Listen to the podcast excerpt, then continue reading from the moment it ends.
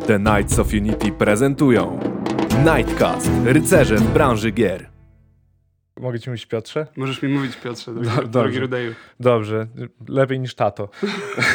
znaczy, dlaczego się śmieję? Bo mój tato też jest Piotrem, ja jestem Piotrem, ty jesteś Piotrem, mamy samych Piotrów. Fantastycznie. Dlatego ja mówię Rudeju. Dobrze, doskonale. Dobrze, możemy mówić ze sobą Piotrze, Rudeju, Peterze. Dobrze, doskonale. E, jesteś założycielem e, The Knights of Unity. Znaczy współzałożycielem Tak, zasadniczo. tak, jednym z trzech założycieli. Fantastycznie. Powiedz mi, od czego to się w ogóle zaczęło? Jak, jak do tego doszło, że wpadliście na pomysł zróbmy firmę i róbmy gry? No i dobra, to żeby to wyjaśnić, to sięgnę trochę dalej w e, przeszłość. Mhm. E, może zacznę od, e, od mojego urodzenia. Dobrze, doskonale, to jest świetny To pomysł. się zaczęło od tego, że się urodziłem. E, w 85 roku, trochę tego już czasu minęło. I tak naprawdę od zawsze ciągnęło mnie do, do nauk ścisłych ele- elektroniki. W sumie to trochę winien jest mój tato, który... Mama też skończyła Politechnikę, oboje inżynierowie, więc to chyba we krwi, ale e, w 91, czyli jak miałem 6 lat, przyniósł do domu pierwszy komputer. To był w ogóle laptop. Na tamte czasy to było coś bardzo nietypowego z procesorem 286. I tak naprawdę wtedy zaczęła się moja przygoda z grami. Zacząłem grać e, i w międzyczasie też chodziłem do szkoły, tak jak każdy z nas pewnie grał i chodził do szkoły. E, I tak naprawdę jakby historycznie moja e, główna część zainteresowań e, skupiała się na, na, na, na matematyce, na przedmiotach takich bardziej związanych z czymś, co wymaga analizy, liczbami, ścisłym myśleniem, ale jednocześnie w szkole na przykład zawsze lubiłem pomagać innym i czułem tak wewnętrzną satysfakcję z kontaktu z ludźmi i jakby poznawania zachowań. Jakoś od zawsze mnie to interesowało i tak naprawdę em, trudno określić, czy ja jestem tak naprawdę ścisłowcem czy humanistą w tym momencie. Y, Trochę takim miksem. Niemniej, e, w liceum napisałem swoją pierwszą grę, jak miałem 18 lat. Jak na dzisiejsze czasy to jest dosyć późno, ale to był rok 2003, jeszcze we Flashu. I od tego czasu się zaczęło. Zauważyłem, że to jest tak naprawdę połączenie sztuki z, z programowaniem, z, z inżynierią, że tak się wyrażę. I e, to jest po prostu mój konik. I wtedy poczułem, że to jest chyba to, w czym będę się realizował już naprawdę do końca. No po drodze oczywiście mm, poszedłem na studia, na teleinformatykę, myślałem o psychologii też, ale wybrałem ten ścisły kierunek bardziej. Po drodze, po studiach poszedłem do, do korporacji, do pracy w korporacji było za nudno, więc poszedłem na doktorat, robiłem równolegle i to i to. I tak naprawdę na doktoracie się zaczęło, bo e, na doktorat poszedłem ze sztucznej inteligencji w 2011 roku. E, Tytuł doktora zdobyłem dopiero w 2016, także po pięciu latach. E, więc jest to pewien obszar wiedzy, z której mogę sporo też powiedzieć. I jakby przygoda z Knightsami rozpoczyna się tak naprawdę od 2011, kiedy poszedłem na doktorat i zacząłem uczyć na uczelni, na Politechnice Wrocławskiej. Wtedy poznałem naprawdę fantastycznych ludzi, studentów, którzy podeszli do mnie po zajęciach, powiedzieli, że jest pan spoko prowadzący, może chciałby pan pomóc nam z kołem naukowym, bo chcemy rozkręcić. A ja, no ale co wy chcecie robić? No chcemy robić gry, a tak kurczę, akurat tym się całkiem zajmuję hobbystycznie mocno. Robiłem już tych gier sporo w tym czasie i rozpoczęliśmy e, działania jako TK Games, koło naukowe na Politechnice Wrocławskiej. E, w 2012 tak naprawdę zostało założone, a w 2013 było już 200 członków. To było już jedno z największych kół na Politechnice Wrocławskiej, jeśli nie największe. Rok później już było ponad 300 członków i okazało się, że to jest ogromna nisza w edukacji. Ogólnie e, nasza edukacja narodowa nie przewiduje za bardzo obszarów game devowych, nawet do dziś. E, Dopiero po kilku latach działalności koła uczelnia otworzyła kilka przedmiotów, których teraz ja jestem jakby kierownikiem uczelni i prowadzę je. E, No niemniej wypączkowało wszystko z TK Games. Poznaliśmy się z pozostałymi, e, z pozostałymi founderami, z Adamem i z Marcinem właśnie w kole naukowym i od tego się wszystko zaczęło. Fantastycznie. W ogóle koło naukowe TK Games y, to też ja mam taką pamiętam może y, to, jak rozmawialiśmy na ten temat gdzieś tam na, na studiach, bo e, w sumie jak koło naukowe powstawało, to ja wtedy zaczynałem w ogóle studia też na, na Polibudzie, e, zresztą również na Wydziale Elektroniki.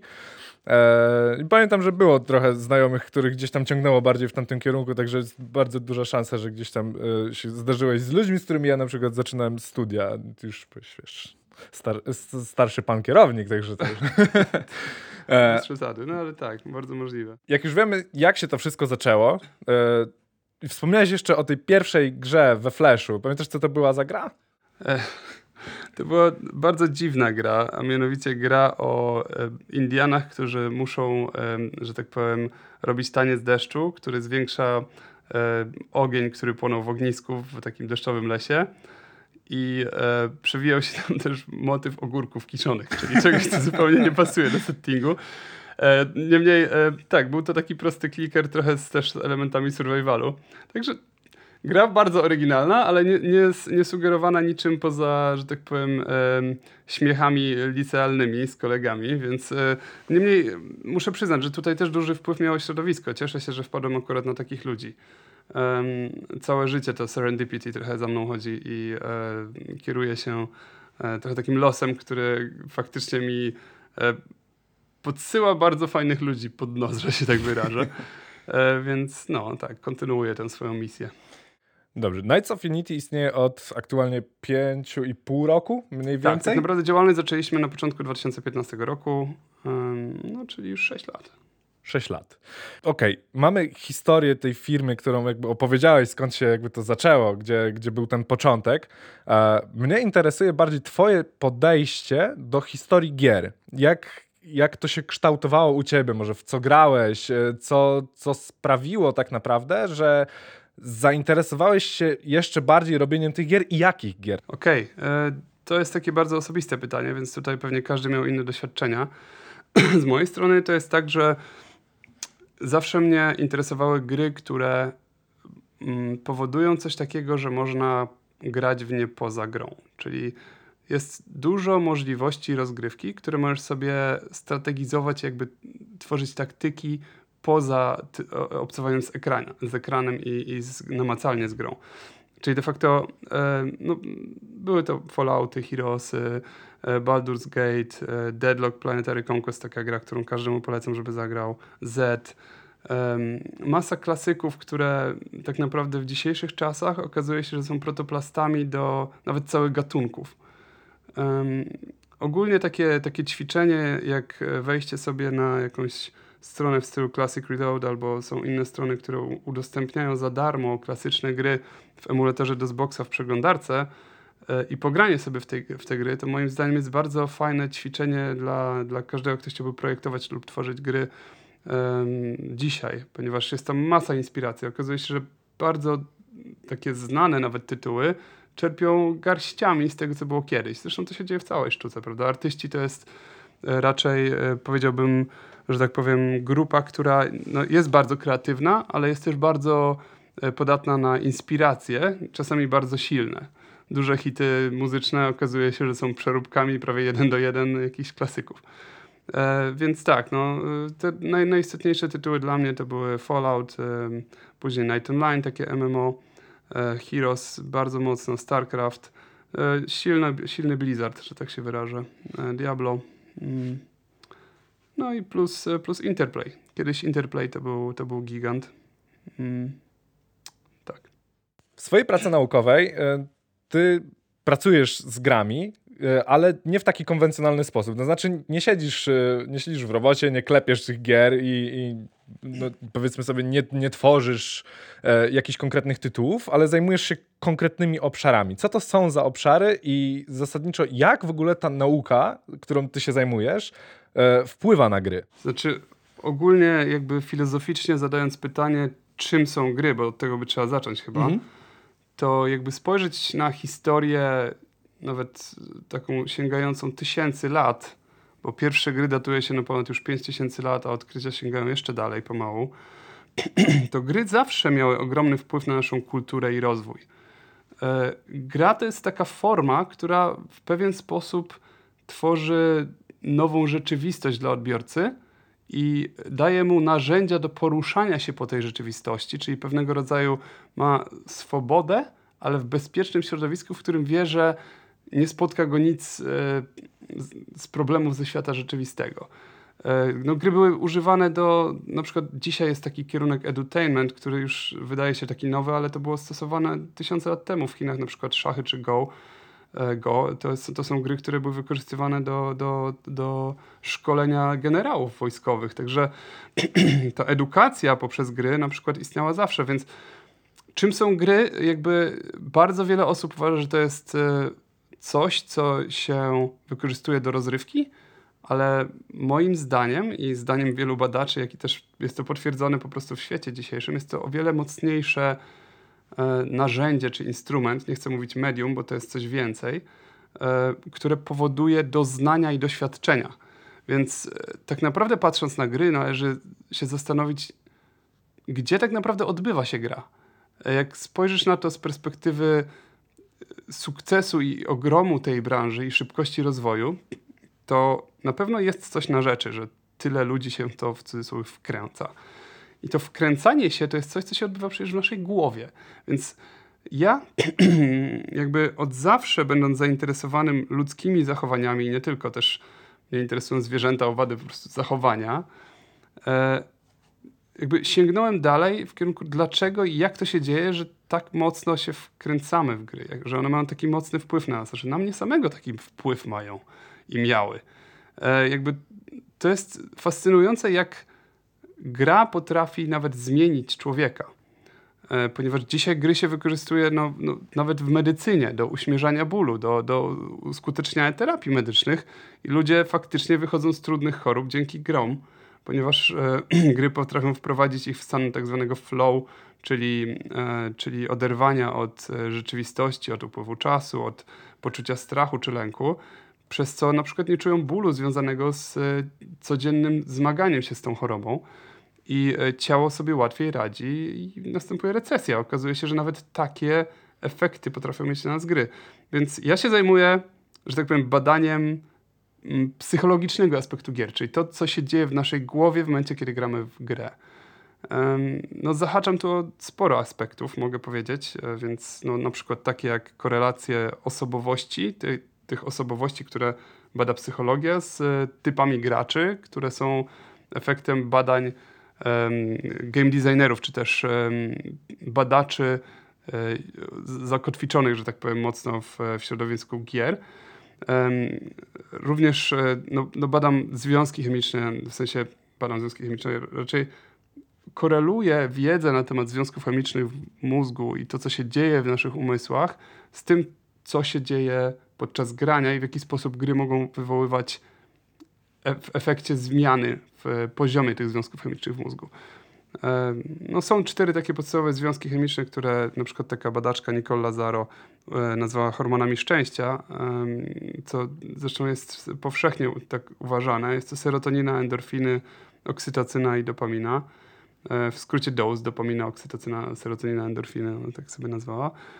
E, No i te cztery hormony na przykład e, potrafią być e, w skuteczny sposób e, e, ich poziom zmieniany poprzez właśnie rozgrywki w grach. Wiemy już w takim razie, że gry w ogóle wpływają na psychikę człowieka, potrafią regulować e, procesy chemiczne, które zachodzą w, w mózgu, ale jak gry w ogóle w obecnych czasach wyglądają? Co, co powoduje, że te gry nas wciągają aż tak bardzo? E, jakie doświadczenia z tym idą? Jakie bodźce można przekazać człowiekowi, albo może jakie człowiek może bodźce przekazać grze? Bo, bo podejrzewam, że to e, działa w dwóch kierunkach. E, I chciałbym się dowiedzieć od ciebie, jakie jest twoje, jakby, twój punkt widzenia od strony takiej naukowo-technicznej właśnie na, na cały aspekt, e, aspekt grania od tej strony umysłowej. Duże pytanie, ale postaram się odpowiedzieć. Więc fajnie, że powiedziałeś dzisiaj, no bo faktycznie e, gry jakby to, to co nawiązałem wcześniej do, do historii gier, e, no, historycznie to były głównie gry planszowe, ponieważ nie było dostępu do cyfrowej technologii. Dzisiaj mamy potęgę gier cyfrowych, czyli ta wirtualizacja nastąpiła. Tak naprawdę tam mamy dużo więcej możliwości niż na planszy. I doznania płynące z e, wirtualnej gry potrafią być też dużo, dużo bardziej intensywne.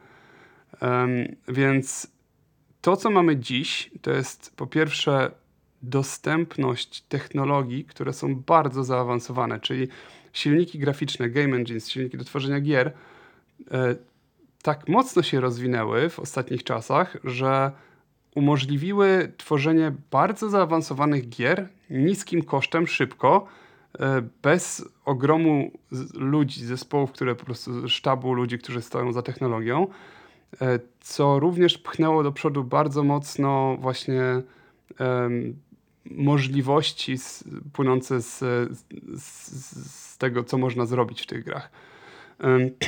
Jakby technologicznie patrząc, gry są w stanie analizować to, co gracz robi. I, I dzięki temu na przykład mm, dostosowywać się do jego poziomu trudności. Jest w tym momencie już od, e, od lat e, nawet opatentowany przez Electronic Arts taki algorytm Dynamic Difficulty Adjustment, DDA, czyli e, coś, co jest stosowane w grach sportowych EA, FIFA i tak dalej.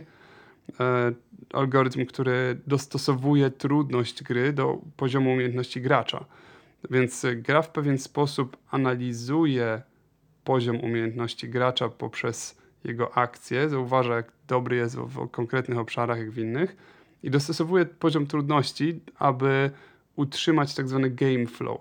Game flow to jest e, taki tunel pomiędzy naszą umiejętnością a trudno, trudnością gry, żeby nie wyrzucić gracza poza ten tunel, czyli albo go nie zniechęcić za trudną grą, albo go nie znudzić za łatwą grą. Czyli jakby utrzymanie poziomu trudności gry na poziomie dostosowanym do gracza jest e, pożądane z punktu widzenia długości grania. Więc e, gry chcą, twórcy gier chcą, aby, aby gry były możliwie e, długożyciowe i, i żeby były grane przez możliwie dużo czasu. No i, i w ten sposób między innymi e, się to odbywa. To dlaczego w ogóle chcemy grać w gry, no to za to odpowiada dopamina, ale tutaj jeśli bym miał rozkładać na części pierwsze każdy z tych e, związków chemicznych, to prawdopodobnie czasu by nam nie starczyło. Mogę jedynie powiedzieć, że, że serotonina jest na przykład wydzielana przez, e, poprzez spożywanie węglowodanów, zwłaszcza słodyczy, czekolady, ale też na przykład gry wywołują ją poprzez e, przypominanie graczowi, jaki jest ważny i potrzebny. Endorfiny, czyli związek, który się wydziela po- podczas ruchu i ćwiczeń fizycznych, jest również wydzielany podczas pokonywania trudnych wyzwań. E, Oksytocyna to, są, to jest związek chemiczny, który ewolucyjnie wpłynął na w ogóle tworzenie związków społecznych i, i społeczeństw, bo wydziela się pod, przez kontakt wzrokowy albo, albo fizyczny z innymi ludźmi, a podczas gier e, może również wpłynąć na podniesienie oksytocyny bardzo ciekawa fabuła lub kontakt z innymi graczami. Natomiast dopamina, najistotniejszy z tych e, czynników, jest związany z nagrodą. Także ta do, dopamina jest e, najistotniejszym związkiem chemicznym z punktu widzenia gier i nie tylko, ponieważ jak się okazuje, dopamina odpowiada za chcenie. W sensie, jeżeli cokolwiek chcemy, mamy ochotę na coś, to jest to efekt dopaminy. W sensie zrobiono taki e, eksperyment kiedyś na dwóch białych myszkach, które z punktu widzenia eksperymentalnego były identyczne. Jednej myszce usunięto chirurgicznie, brutalnie mówiąc, e, ośrodek odpowiedzialny za wydzielanie dopaminy w mózgu, e, ale wydzielała inne ośrodki, e, inne związki chemiczne odpowiedzialne za odczuwanie przyjemności, a druga była nie, nienaruszona, że tak powiem. I laboratoryjnie obserwowano te myszki, ich zachowanie i one odczuwały tę samą przyjemność w oparciu o pozostałe związki chemiczne, na przykład ze spożywania słodzonej wody. To jest tam najlepszy przysmak tych myszek. Więc jeżeli pipetą ją tak karmili po kropelce do buziek e, i dawali im tą słodzoną wodę, to, to obie odczuwały bardzo dużą przyjemność. Niemniej ta bez dopaminy okazuje się, że nie chciała nic robić. Miała tak zwaną anhedonię, niechęć do wszystkiego, do tego stopnia, że umarła z głodu obok jedzenia. W sensie położyli obok niej jedzenie i takiej się nie chciało ruszyć, za przeproszeniem czterech literek, czterech łapek do jedzonka, że umarła z głodu obok tego. I, i wtedy odkryto, że tak naprawdę dopamina to jest, nie jest hormon odpowiedzialny za przyjemność, bo wiele lat wierzono tak, że, że dopamina to jest ten dopamin rush, czyli to takie przyjemność. no nie, dopamina to jest chcenie. Czyli w momencie, kiedy chcemy cokolwiek, chcemy włączyć grę, chcemy kontynuować grę, to jest dopamina i ona się wydziela przed otrzymaniem nagrody. I teraz jakby e, ja o tym wszystkim mówię dlatego, że obserwując branżę gier, można odnieść wrażenie, że bardzo operuje na intuicji, a nie na wiedzy o mózgu. W sensie jest to branża artystyczna, rozrywkowa i mało firm decyduje się na przeznaczanie funduszy na tak zwane R&D, na, na- na, badania związane z tym właśnie, w jaki sposób gry wpływają na umysły. Ja to robię hobbystycznie. No, można to przyrównać do, jakby sobie wyobrazić takie wybrzeże nad morzem, gdzie są stocznie i to są firmy game devowe. I te stocznie produkują statki, ale nie wiedzą, jak działa woda. Po prostu patrzą na siebie nawzajem, na przykład, o, tamten statek daleko dopłynął, spróbujmy zrobić taki sam, ale na przykład zamiast drewna użyjmy betonu, zobaczymy.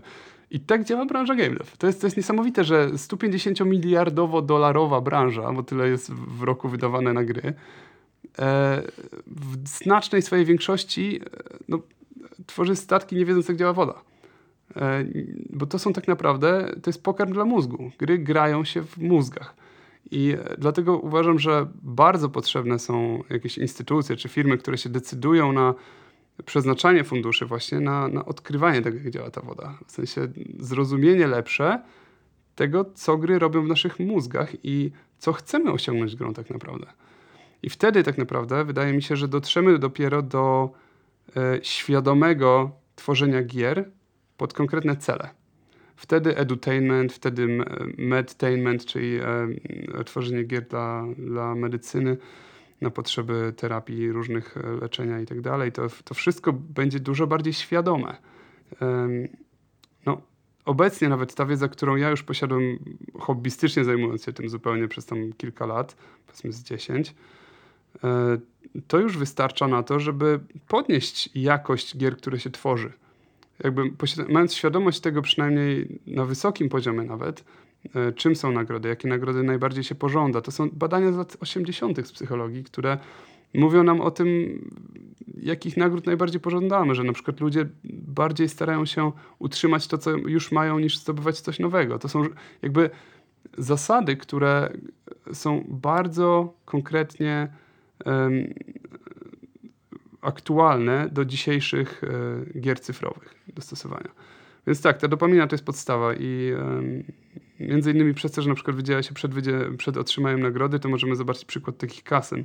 Jak mamy jednorękiego bandytę, e, to taka maszyna slot machine, gdzie się ciągnie i tam trzy bębny się kręcą, no to dwa pierwsze się zatrzymują dosyć szybko. Na przykład mamy bar, bar i trzeci, czy tam dwie wisienki i trzeci się kręci, kręci, kręci jak najdłużej, ponieważ im bliżej otrzymania nagrody jesteśmy, tym bardziej chcemy ją zdobyć, dlatego że wtedy wydziela się dopamina. I im bardziej przedłużymy ten moment przed nagrodą, tym więcej dopaminy się widzieli i w przyszłości tym bardziej będziemy chcieli powtórzyć daną aktywność. I to jest jeden z mechanizmów oczywiście, ale między innymi wiedza o tym pozwala nam dużo lepiej zaprojektować jakieś mechanizmy, które spowodują, że ktoś będzie chciał powtórzyć daną czynność bardziej. Czy uważasz, że sterując tymi wszystkimi zachowaniami gracza, e, mając wiedzę na temat tego, w jaki sposób wpływać na, na jego ośrodki w mózgu, jesteśmy w stanie powodować, że gra będzie bardziej uzależniająca? I czy sam myślisz, że uzależnienie od gier, takie czy inne, jest e, czymś dobrym i pożądanym, czy może nie do końca? E, znaczy, stety, niestety, właśnie gry mogą wpływać em, na to, czy jesteśmy jakby kontrolować chcenie, to o czym mówiłem, przez co niektóre firmy wykorzystują do nieetycznych celów gry, po prostu komercy- komercjalizując je do, do maksimum i właśnie wręcz wywołując uzależnienie graczy. To, to, no, trzeba to wprost powiedzieć, że jakby świadomość tego, że, że my możemy w ten sposób zaprojektować grę, aby ona posiadała mechanizmy, które zwiększają poziom wydzielanej dopaminy, daje nam instrumenty do tego, aby to wykorzystać. I nawet pomimo tego, że nikt się do tego pewnie nie przyzna, to, to są firmy, które jawnie wykorzystują te, e, te mechanizmy. No same kasyna no, nawet się tym nawet nie, nie wstydzą tego, prawda? E, No a, a dlaczego też, też nie w grach, jeżeli tam też są pieniądze?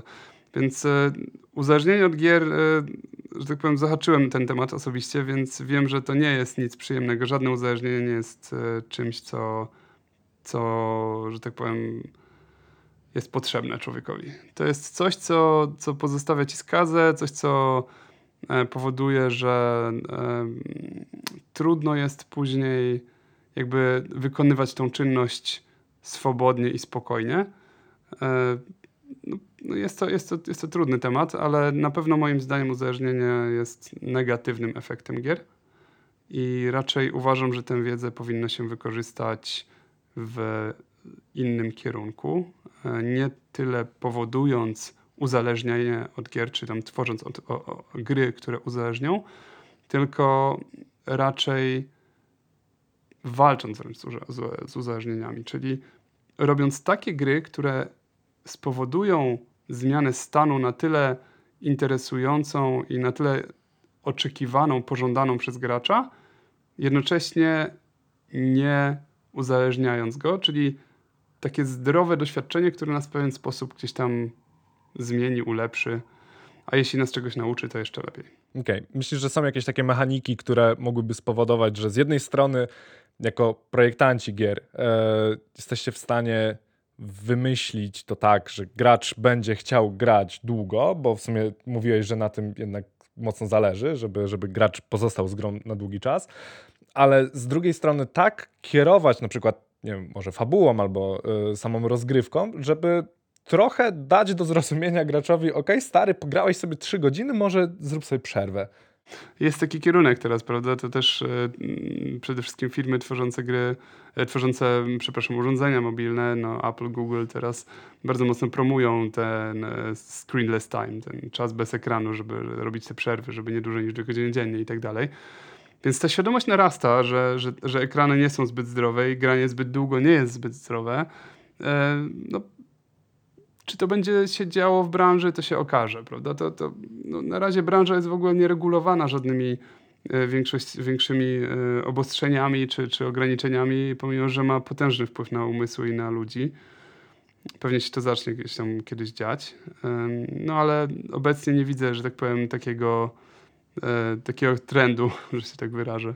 Myślę, że takim dobrym tematem jeszcze do poruszenia w kwestii tego, jak my działamy z, z komputerem i z grami, jest to, jak tak naprawdę komputer jest w stanie wyuczyć się też tego, co gracz robi. E, z jednej strony mamy gry, w których gdzieś jest jakaś niby sztuczna inteligencja, czyli coś, co, co zachowuje się w jakiś sposób, bo mamy tak zwanego gracza komputerowego, z którym możemy tam sobie, sobie pograć y, i nie potrzebujemy drugiej osoby do, do wspólnej rozgrywki.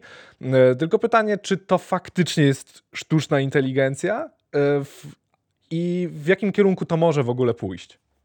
Okej, no to to pytanie y, faktycznie bardzo mocno y, trafia do, y, do mnie i tego, co robię. No to może właśnie podsumowując, tak wydaje mi się, że, że kierunek, w którym dążymy, dążymy w game devie i i do, do, do którego zmierzają gry, e, właśnie jest mocno związany z tym, co ja, co ja dotychczas robiłem, czyli e, ten game dev, psychologia i sztuczna inteligencja, te trzy tak jakby nogi, na których ja stoję, że tak się wyrażę, wydaje mi się, że bardzo mocno odegrają rolę dla przyszłości gier. Czyli po pierwsze to, co mówiłem, czyli świadomość twórców gier i współpraca z psychologami. Obustronna. Wydaje mi się, że psychologowie również się zaczyna, zaczynają coraz bardziej interesować grami i badać ten em, aspekt właśnie e, wpływu gier na, na psychikę. Em, to jest coś, co na pewno będzie się rozwijać. A do tego dodając rozwój technologii dziś, i, i dzisiejsze zaawansowanie narzędzi, które są wykorzystywane w game devie ich jakby otwartość na sztuczną inteligencję, wydaje mi się, że to też zacznie się pojawiać, ponieważ tak jak powiedziałeś, w dzisiejszych czasach jeszcze sztuczna inteligencja nie jest tak naprawdę wykorzystana w grach. No, to nie jest sztuczna inteligencja, to jest po prostu zbiór zachowań. To są jakieś drzewa decyzyjne, które podejmują nasi komputerowi przeciwnicy. E, sztuczna inteligencja tak naprawdę z- definicji takiej bardziej naukowej to jest e, to są algorytmy machine learningowe, czyli coś, co ma zdolności uczenia się i klasyfikacji. To jest coś, co przypomina ludzki mózg, coś, co potrafi podejmować decyzje w oparciu o, o zbiór danych wejściowych, ale nie do końca potrafimy przewidzieć te decyzje. W sensie o to chodzi w sztucznej inteligencji, żeby ona niejako była inteligentna, czyli gdzieś tam poniekąd prawie samodzielna. No jeżeli już e, teraz nawet proste algorytmy sztucznej inteligencji są nie do rozłożenia w sensie matematycznym, czyli nie potrafimy do końca przewidzieć e, wyjściowego efektu e, działania sztucznej inteligencji, no to jest to jakiś tam zalążek, ale jest to jeszcze daleko od tak zwanego e, general artificial intelligence, czyli czegoś, co naprawdę przypomni człowieka. Niemniej w grach faktycznie można b- zastosować sztuczną inteligencję do na przykład e, zwiększenia imersji, czyli e, zanurzenia gracza w grze, czyli tak jak mówiłem, mamy różnych, e, różne jakby motywacje, które kierują graczami, czyli różne kategorie graczy, które oczekują innych rzeczy od, od gier i inne rzeczy motywują tych ludzi do, do grania. Gra wyposażona w taki mechanizm, który mógłby niejako profilować użytkownika, czyli poprzez analizę aktywności gracza podczas rozgrywki tworzyłby taki profil psychologiczny tego gracza, mogłaby dostosowywać swoją zawartością, czy tam zadaniami, które stawia przed graczem, e, się do oczekiwań tego gracza. Czyli po prostu w ten sposób mielibyśmy elastyczną grę, która grana przez różne osoby miałaby zupełnie inną formę. I, I gdzieś tam może to jest jakiś taki ultimate goal w game devie, żeby taka gra powstała, że dla każdego będzie inna, ale każdy będzie czerpał maksimum po prostu przyjemności z grania, ponieważ poprzez analizę naszych zachowań będzie wiedziała dokładnie, czego oczekujemy. Być może jest to gdzieś tam na końcu jako długofalowy cel tego rozwoju tego kierunku. E, No niemniej jest to na pewno coś, co dopiero jest w fazie teorii. Nie istnieją gry, które tak robią, a, a powoli można zacząć to robić. Okej, mm, powiedz mi, jak twoim zdaniem gry powinny ewoluować? W sensie, w którym, w którym stronę powinny iść? Czy właśnie e, sama sztuczna inteligencja i to, że gry byłyby, dopasowywałyby się same do nas, e, to jest już to, co jakby wystarczy? Czy może też jest jakaś, mm, jakiś technologiczny problem, który należa, należałoby jeszcze rozwiązać, e, albo może już jest rozwiązany, e, do tego, żeby faktycznie w całości odczuwać tę grę? Jak, jak ty myślisz, do czego to powinno w ogóle dążyć? Pytanie bardzo ciekawe znowu. e, przyznam się, że, że, że nie byłem na nie też przygotowany, ale moim zdaniem e, trend, jaki można zaobserwować, to jest możliwe zwiększenie imersji, czyli zanurzenia gracza w świecie gry, ponieważ dopiero wtedy my możemy nie tyle nawet odpowiadać na pożądania i tworzyć doświadczenia, które gracz pożąda, ale tworzyć pożądania graczowi. Czyli generalnie, jeżeli jesteśmy już zanurzeni, zanurzeni jako gracz w świecie gry na tyle, że jest, że jest, on nas pochłania, to gra staje się niejako naszą rzeczywistością i ona może sterować nawet tak podświadomymi elementami naszego działania, jak właśnie pożądania, czyli wytwarzać potrzeby, co jest potężnym narzędziem, bo wtedy możemy też dozować nagrody odpowiednio i, i dosłownie ubezwłasnowolnić sobie gracza, że tak powiem. No, po prostu gracz wtedy staje się no nie tyle marionetką, no bo to, to jest zbyt mocno powiedziane, ale możemy naprawdę duże efekty osiągnąć, mając tak duże skupienie i uwagę człowieka. Jakby moim zdaniem nie istnieje inne medium czy forma na świecie, w naszej rzeczywistości, która by w wirtualny sposób tak mocno przyciągała uwagę i skupienie gracza, jak właśnie gry wirtualne, a wręcz mocniej niż rzeczywistość, czego do, dowodem jest masa uzależnień. Czyli czasami nawet wybieramy świat wirtualny ponad świat rzeczywisty. E, Więc długofalowo, czy na końcu drogi jest Matrix? nie wiadomo. Elon Musk też nawet nie wie, a, a generalnie jego technologie właśnie dążą poniekąd do tego, patrząc na Neuralink, czy, czy, czy, czy jego OpenAI, czy, czy, czy, czy inne um, endeavors, że tak się wyrażę. Um, no, wirtualizacja świata postępuje. My podczas pandemii się mocno przenieśliśmy do świata cyfrowego i te kroki będą coraz, coraz silniejsze, patrząc na ilość funduszy, które zostały zainwestowane w technologię wirtualnej rzeczywistości. w rozszerzonej rzeczywistości, w hologramy, w mixed reality, e, świadczą o tym, że faktycznie ta imersja jest w tym momencie na piedestale. Jest czymś, co jest bardzo mocno dotowane i wiązane są z tym bardzo silne nadzieje pod kątem em, właśnie przyszłości, nie tylko w grach. Więc czy to będzie przyszłość gier? Mm, Obecne gry VR-owe no nie, nie udowadniają tego jeszcze. One nie, to nie chodzi o to, że, że technologia jeszcze nie jest komercyjnie dostępna, bo już pomału jest. No, Oculus Quest już w milionach sztuk się posprzedawał. Już, już jest ta rzesza ludzi, którzy są odbiorcami. A jednak e, no, nie, te doznania nie są jeszcze na tyle intensywne, ponieważ tak naprawdę to, co się dzieje, wynika też z naszej wyobraźni. Więc jeżeli my chcemy zastąpić technologią wyobraźnię, to niekoniecznie osiągniemy tak dobry efekt. Nasza wyobraźnia chyba jest trochę jeszcze na wyższym poziomie niż technologia. Jeśli technologia prześcignie wyobraźnię lub się z nią zrówna, to wtedy będziemy mogli mówić o dopiero efekcie przejęcia prymu i kontroli przez właśnie technologię. No i co się wydaje, że dalej to już może być filozoficzna dyskusja w tym momencie, ale może być to bardzo niebezpieczne dla ludzi, bo może się okazać, że, że mind manipulation to już będzie e, po prostu nasza rzeczywistość. Na zakończenie jedno ostatnie pytanie. Jaką dałbyś radę dzisiejszym twórcom gier? Uuu, e, okej. Jednym. Przede wszystkim rozwijajcie się, bądźcie silni. Będziecie kiedyś e, dużo bardziej, że tak powiem, poważnie postrzegani niż dzisiaj na 100%. Jest to najbardziej zaawansowana branża informatyczna, moim zdaniem, ponieważ łączy sztukę z kodowaniem. Nie tylko musi działać, ale musi sprawiać przyjemność, musi wywoływać jakieś efekty w mózgu. To jest forma gry, jest bardzo niedocenianą obecnie formą twórczości jeszcze. W sensie oczywiście jest doceniana przez wiele, ale moim zdaniem nadal jest niedoceniana. Jest, e, ma o wiele większą wartość niż, niż obecnie jest postrzegana. Rada na to, jak lepiej, lepiej tworzyć gry, no to właśnie spróbujcie sami pływać w wodzie, zobaczycie bardziej jak działa. A nie tylko też pływanie, ale czytanie o wodzie, może trochę fizyki, jak to działa, czyli o mózgu.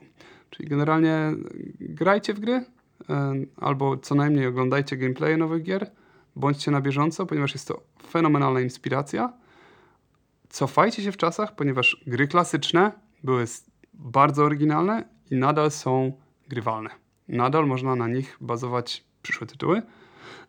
Oraz e, starajcie się obserwować gry pod kątem tego, co robią w waszych głowach. Czyli mając już tą wiedzę o, o, o psychologii, jakąś nawet szczątkową, ale taką zrozumiałą przez nas, nie tyle zapamiętaną, co zrozumiałą, czyli że wiemy mniej więcej, że w tym momencie jakiś tam związek pewnie nam się wydziela w mózgu, bo coś czujemy, potrafimy to skorelować.